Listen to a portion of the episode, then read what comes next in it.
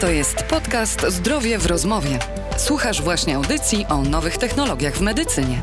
Nie czekaj na jutro. Innowacje w medycynie są przyszłością, która zaczyna się już dzisiaj. Partnerem serii Innowacje dla pacjenta jest PZU Zdrowie. Partnerami medialnymi są Medomed, Rynek Zdrowia i Co w Zdrowiu. Szanowni Państwo, nazywam się Ligia Kornowska i jest mi niezmiernie miło powitać Państwa w pierwszym odcinku podcastu Zdrowie w rozmowie. Podcast jest tworzony pod auspicjami Koalicji AI w Zdrowiu i Polskiej Federacji Szpitali, a jego nadrzędnym celem jest przybliżenie tematu nowych technologii w medycynie. Pierwszy cykl podcastu ma za zadanie odpowiedzieć na pytanie, jak tworzyć innowacje bliżej pacjenta. A jeśli mowa o pacjentach, to naszym pierwszym gościem nie może być nikt inny jak pan minister Grzegorz Błażewicz, zastępca Rzecznika Praw Pacjenta. Panie ministrze, dzień dobry, dziękujemy, że pan do nas dołączył. Dzień dobry, kłaniam się państwu. Panie ministrze, czym w ogóle zajmuje się Biuro Rzecznika Praw Pacjenta? E, rzecznik Praw Pacjenta, tak jak sama nazwa wskazuje, jest e, rzecznikiem e, wszystkich pacjentów, ale chcielibyśmy być również rzecznikiem całego systemu ochrony zdrowia, więc rzecznikiem osób chociażby wykonujących zawody medyczne, czy rzecznikiem osób kierujących podmiotami leczniczymi. Bardzo ważna uwaga, a proszę powiedzieć, jak się zmienia rola Biura Rzecznika Praw Pacjenta w kontekście coraz śmielszego wdrażania nowych technologii?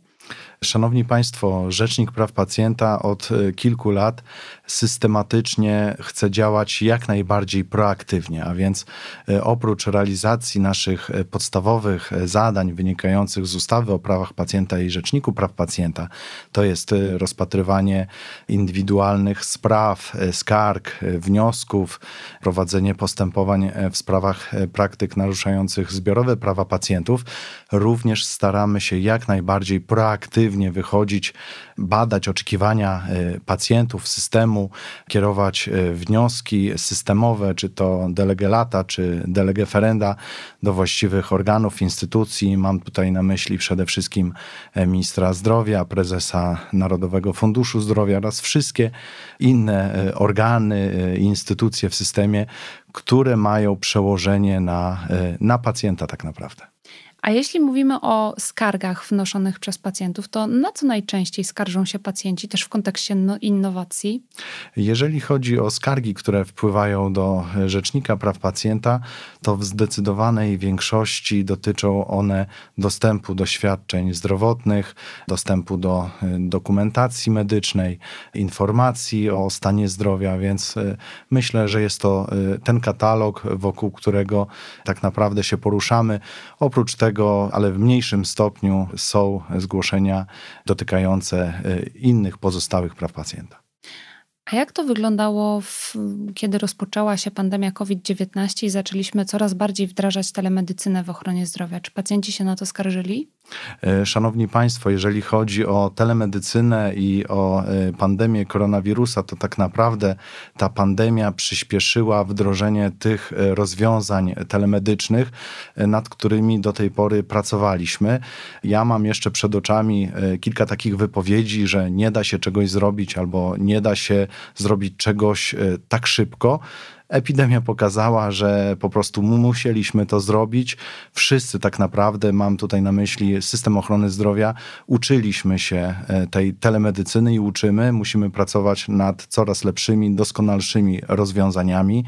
I tak sobie myślę, że na początku był problem e, na przykład z organizacją telewizyty, prawda? Teleporady. Podmioty lecznicze e, wskazywały, że no jest to dla nich czasami utrudnione, żeby żeby po prostu z przyczyn takich e, organizacyjnych, logistycznych zapewnić, wdrożyć te teleporady. Pod koniec e, bodajże drugiej, trzeciej fali koronawirusa mieliśmy problem odwrotny, że przede wszystkim proponowano teleporady, a pacjenci zaczęli się skarżyć na brak możliwości wizyt osobistych. A więc no myślę, że e, system ochrony zdrowia musi skłaniać się ku rozwiązaniom telemedycznym. Sami pacjenci są coraz e, bardziej do nich e, przekonani, a my po prostu musimy elastycznie reagować na te potrzeby, oczekiwania pacjentów. Zdecydowanie pandemia zmieniła sposób udzielania świadczeń zdrowotnych. Jak popatrzymy sobie na przykład na liczby, na statystyki, które w zeszłym roku, pod koniec roku Ministerstwo Zdrowia i NFZ przygotowało, to okazuje się, że tak jak przed pandemią u lekarza rodzinnego 100% y, albo blisko 100% świadczeń było udzielanych stacjonarnie, tak e, po 3-4 miesiącach pandemii okazało się, że 80% udzielanych świadczeń było udzielanych telemedycznie. I niestety, mówiąc telemedycznie, mam na myśli teleporadę, bo tylko 0,3% świadczeń korzystało z narzędzi takich jak wideokonferencja. Moje pytanie brzmi: czy jeśli pacjent nie chce skorzystać z teleporady czy z telemedycyny i chce stacjonarnie się zobaczyć z lekarzem, czy ma takie prawo? Szanowna pani redaktor, oczywiście te przepisy w trakcie epidemii się zmieniały i teraz, kiedy pacjent czuje, że potrzebuje tej wizyty osobistej, tak, ze względu na charakter y, schorzenia, biorąc pod uwagę to, jak się czuje, powinien y, taką swoją y, wolę, takie swoje życzenie wyraźnie wyartykułować, chociażby dzwoniąc do przychodni podstawowej opieki zdrowotnej i mam nadzieję, że tutaj zarówno lekarze rodzinni, jak i przedstawiciele AOS-u no, będą szanować tutaj e, tą wolę pacjenta. Oczywiście będą sytuacje, no, w których ta wizyta osobista e, nie będzie zasadna, ale w dużej mierze e, tutaj decyzja pacjenta jest wiążąca, jest ważna dla podmiotu leczniczego. A jakie lekcje wyciągnęliśmy z e, całego tego przyspieszonego wdrażania telemedycyny w trakcie pandemii? Mm, ja myślę, że taką pierwszą podstawową e, lekcją jest to, że nie powinniśmy się obawiać e, nowości i wszelkich innowacji. Oczywiście cały czas musimy pracować nad optymalizacją telemedycyny, musimy doskonalić narzędzia e-zdrowia, ale jest to droga tak mi się wydaje, od której nie ma odwrotu. Zdecydowanie tak. No i tutaj można wspomnieć o e-recepcie, która na początku budziła pewne zastrzeżenia, a w zasadzie bardzo szybko przeszła do porządku y, dziennego i to był ogromny sukces, do którego już w zasadzie wszyscy podchodzimy tak, jakby to było zupełnie normalne, że jest y, wdrożona i działa w systemie. Ale jeśli mówimy o obawach związanych z obawą przed innowacją, czy pacjenci boją się innowacji, czy są przygotowani w ogóle na stosowanie nowych technologii? E, jedni pacjenci boją się innowacji, drudzy e, pacjenci nie boją się tych innowacji, wręcz przeciwnie, oczekują coraz śmielszych rozwiązań i musimy chyba tutaj szanować e, zarówno jednych, jak i drugich pacjentów, ponieważ mamy grupę osób, obywateli i pacjentów, którzy no doskonale sobie radzą z tymi narzędziami informatycznymi, ale mamy również gro osób, które no, nie do końca dobrze posługują się y, czy mm, telefonem, czy internetem i po prostu musimy alternatywnie mieć dla nich y, przygotowaną ofertę. A w jaki sposób y, należy przygotować pacjentów do stosowania innowacji? Mam na myśli zarówno tych pacjentów, którzy się boją innowacji, jak i tych pacjentów, którzy no, chcą stosować innowacji, natomiast mogą być nieodpowiednio przygotowani, aby ją stosować. Ja myślę, że edukacja jest najważniejsza. Zarówno organy i instytucje centralne e, powinny wychodzić i wychodzą w tym momencie z różnorakimi inicjatywami edukacyjnymi, których jest bardzo dużo e, w internecie, ale nie tylko. E, również takie treści przemycane, że tak powiem, czy w indywidualnym koncie pacjenta, w IKP, czy w trakcie chociażby rejestracji na wizytę online, takie merytoryczne, no, w jakiś sposób przybliżą wszystkim e, ten obszar. Pojawiły się ostatnio takie ciekawe statystyki stworzone przez e, IQVIE i przez Samsung, które wskazują, że 3 czwarte lekarzy e, rodzinnych wskazuje, że aplikacje mobilne stosowane przez pacjenta mogą zwiększyć jego zaangażowanie w proces leczenia. W tym samym czasie Mamy już przykład w Niemczech, na przykład e, można zapisać na receptę pacjentowi stosowanie aplikacji mobilnej, a Francja z kolei zapowiada, że będzie kopiować te przepisy i będzie taką samą możliwość e, prezentować w swoim kraju. Czy to jest dobry pomysł, żeby wykorzystywać aplikacje jak wyrób medyczny Powiem w ten sposób. Nie mam gotowej odpowiedzi, nie mam gotowego rozwiązania. Ja myślę, że ten cały obszar e-zdrowia, telemedycyny będzie się nadal rozwijać i po prostu musimy dostosować te wszystkie pomysły, te wszystkie narzędzia, które być może funkcjonują w innych krajach, do naszej rzeczywistości, do oczekiwań naszych pacjentów, nie niemieckich, nie francuskich, tylko naszych polskich. Mam tutaj e, na myśli zarówno takie rozwiązania centralne, ale też e, nie należy wykluczać rozwiązań regionalnych chociażby. Stosowanie innowacji technologicznych e, w medycynie może z jednej strony poprawić dostęp do opieki zdrowotnej i poprawić jakość udzielanych świadczeń zdrowotnych, ale z drugiej strony może pogłębić nierówności w dostępie do opieki zdrowotnej, na przykład poprzez wykluczenie cyfrowe. Czy to jest duży problem i jak się z nim uporać? E, ja myślę, że edukacja również przyjdzie nam z pomocą w rozwiązaniu tego problemu. Oczywiście są białe plamy, jeżeli chodzi o dostęp do internetu. E, z danych Głównego Urzędu Statystycznego bodajże e, z 2018 roku 85% gospodarstw domowych w naszym kraju nie miało dostępu do internetu. Bardzo dużo. Bardzo dużo, ale z tego co wiem, z tego co się orientuję, to ta luka się zmniejsza, więc ten dostęp jest coraz lepszy. Oczywiście w momencie, kiedy wprowadzamy kolejne rozwiązania telemedyczne i mamy grupę rzeczywiście osób, które doskonale sobie z tym radzą, na drugim biegunie mamy osoby, które po prostu nie są aż tak y, zorientowane w tych nowinkach technicznych, albo są bardziej nieporadne życiowo, albo w podeszłym wieku. Mam na myśli tutaj seniorów, no, dla których musimy mieć y, alternatywne rozwiązanie, alternatywne narzędzia i oczywiście taką propozycję edukacyjną, y, chociażby realizowaną w większym stopniu przez samorządy lokalne, władze lokalne, które również powinny w tym obszarze działać, aby tych swoich mieszkańców edukować. Tak, myślę, że też dobrym przykładem jest, e, w jaki sposób została wdrożona e-recepta, gdzie pacjenci, którzy mniej orientują się w kwestiach komputerowych, dostają po prostu kartkę w zasadzie bardzo podobnie, jak dostawali wcześniej. Także to jest taki przykład, jak sobie znakomicie poradziliśmy z rozwojem cyfrowym medycyny. Ale pozwolę sobie przeskoczyć na trochę bardziej przyszłościowy temat, a w zasadzie już nie przyszłościowy, a teraźniejszy temat, czyli stosowanie sztucznej inteligencji w medycynie. Widzimy to, co się dzieje na świecie, to, co się dzieje również w Polsce, i widzimy, że algorytmy sztucznej inteligencji potrafią być e, tak samo lub bardziej skuteczne niż zespoły lekarzy w kontekście diagnozowania i leczenia na międzynarodowych konferencjach, między innymi na konferencji w Dubaju trzy tygodnie temu, padło takie stwierdzenie, że sztuczna inteligencja może sprawić, że standardy postępowania w medycynie to już będą passe, bo wszystko będzie, o wszystkim będzie decydować algorytm sztucznej inteligencji. I tak się zastanawiam, w kontekście też e, e, pytania, czy sztuczna inteligencja zastąpi lekarzy. Czy sztuczna inteligencja może zastąpić biuro Rzecznika Praw Pacjenta? Czy Rzecznik Praw Pacjenta to jest przyszłościowy zawód? Szanowna pani redaktor, Rzecznik Praw Pacjenta jest centralnym organem administracji rządowej właściwym w sprawach ochrony praw pacjenta i powiem przewrotnie, chcielibyśmy poprzez nasze działania ustawiczne, permanentne doprowadzić do tego, aby w Polsce, w naszym kraju, prawa pacjenta były absolutnie bezwzględnie w 100% przestrzegane i wtedy myślę, że Rzecznik Praw Pacjenta jako instytucja nie, nie byłby potrzebny. Właśnie nie wiem, czy to jest pozytywna, czy negatywna wizja, ale chyba pozytywna dla pacjentów.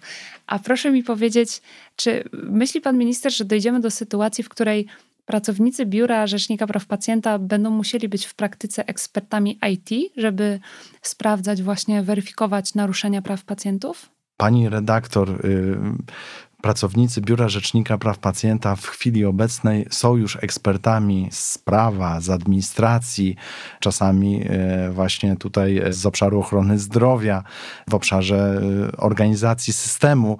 Mamy również e, grupę osób, oczywiście w mniejszości, którzy są ekspertami z informatyki, ale powiem szczerze, że pani redaktor mnie troszeczkę zaskoczyła i jeżeli będzie taka potrzeba, jeżeli ten system będzie właśnie zmierzał zmierzał w tym kierunku coraz większej informatyzacji, sztucznej inteligencji, to być może również to wymusi pewne zmiany w strukturze Biura Rzecznika Praw Pacjenta. Tego nie wykluczam. Tak. Zobaczymy, co przyniesie przyszłość.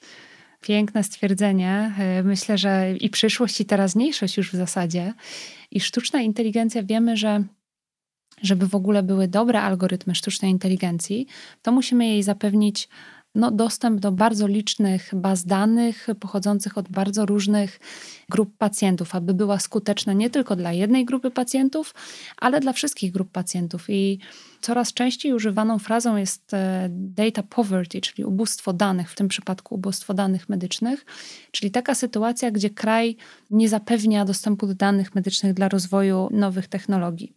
I mamy tą kwestię rozwoju medycyny i oparcia medycyny na faktach, na danych.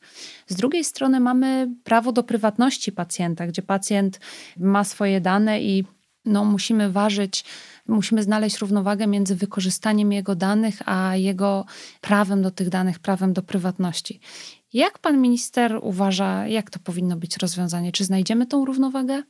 Ja myślę, że musimy robić wszystko, żeby tę równowagę znaleźć. Y, y, z jednej strony mamy dane sensytywne o pacjencie, o jego stanie zdrowia, które mają najwyższy priorytet. Z drugiej strony konieczność e, analizowania, agregacji e, danych populacyjnych, aby po prostu tworzyć nowe rozwiązania, nowe narzędzia dla pacjentów, tak naprawdę, służących pacjentom. To jest e, ogromne wyzwanie również legislacyjne. My trzymamy kciuki. Myślę, że już ten problem, wyzwanie się pojawiło i z czasem pojawią się rozwiązania. A czy sądzi pan, że rozwiązaniem może być taka idea promowana przez Komisję Europejską, idea dawstwa danych, gdzie pacjent samodzielnie decyduje, czy przekazuje swoje dane na cele badawczo-rozwojowe? Autonomia pacjenta jest e, jedną z podstawowych wartości, a więc w momencie, kiedy pacjent będzie e, chciał e, w jakiś sposób podzielić się tymi danymi, które go dotyczą, to tak na szybko, no, w pierwszym odczuciu nie widzę problemu, tak? nie widzę zagrożeń. Oczywiście no, trzeba ten temat y, bardziej przeanalizować, zastanowić się nad nim. E, należałoby zapewnić e, pełną informację, edukację, aby ten pacjent wiedział, z czym to się wiąże, z czym wiąże się przekazanie jego danych do systemu, który, który wirtualnie agregowałby większą ilość tych, tych danych. Myślę, że to jest temat do dyskusji. To też byłby y, sposób na przybliżenie pacjenta do innowacji i zaangażowanie go y, wręcz w całą społeczność wokół tworzenia innowacji, a pacjenci generalnie są bardzo zainteresowani i są coraz bardziej zainteresowani sektorem ochrony zdrowia i medycyną.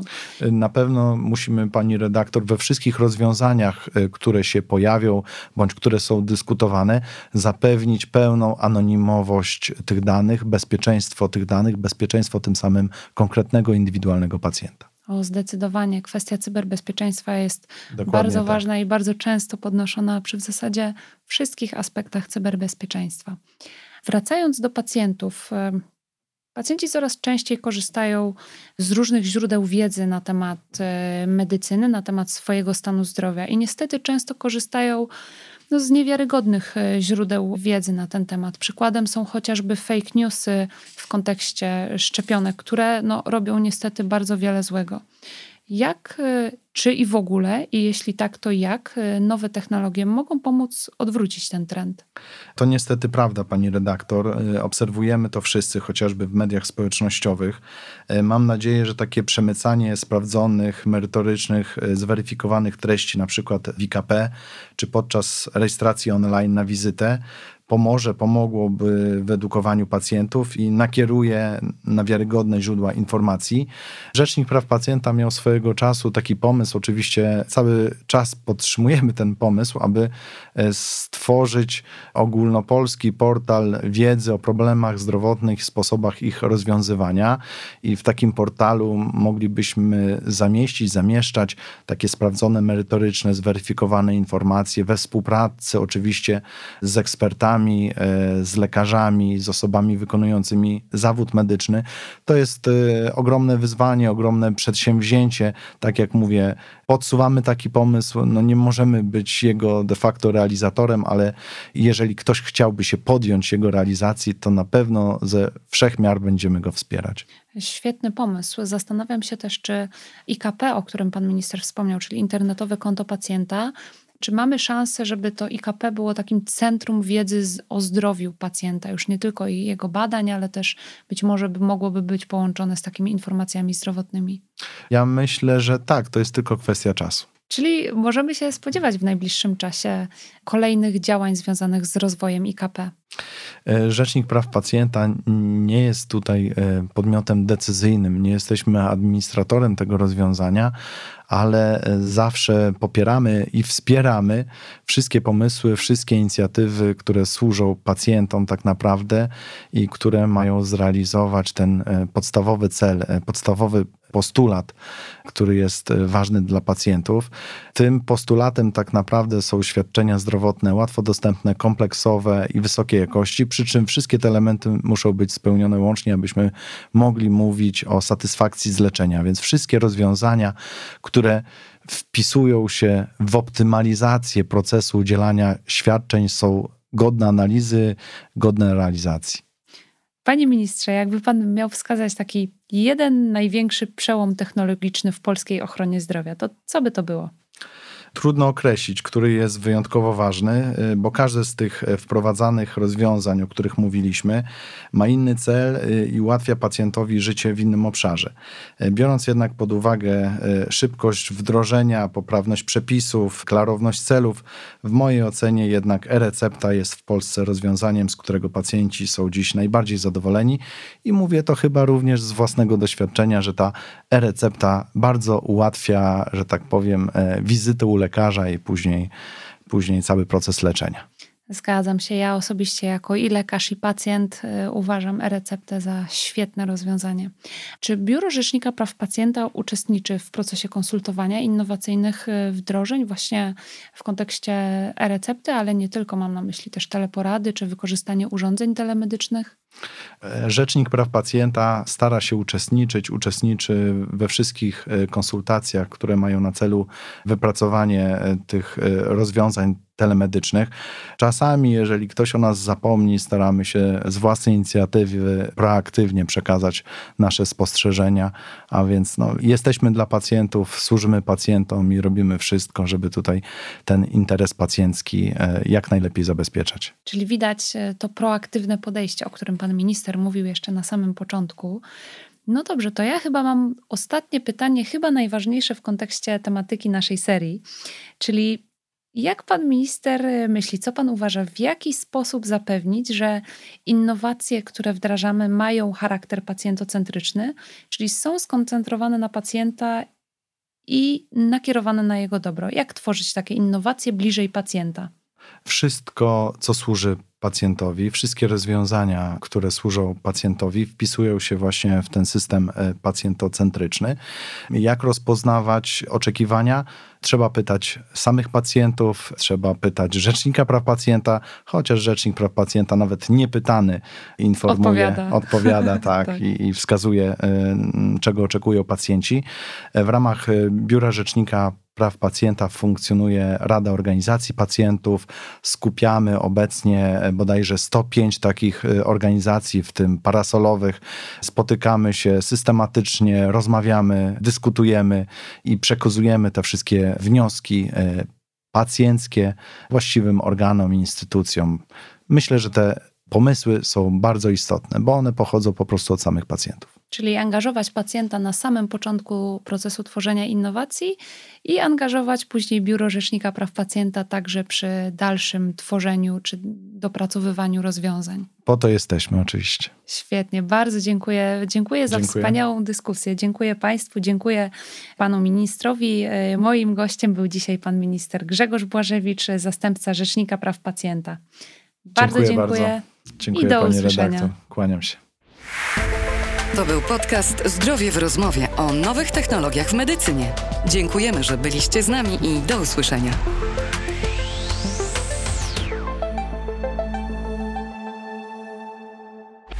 Partnerem serii Innowacje dla Pacjenta jest PZU Zdrowie. Partnerami medialnymi są Medonet, Rynek Zdrowia i Co w Zdrowiu.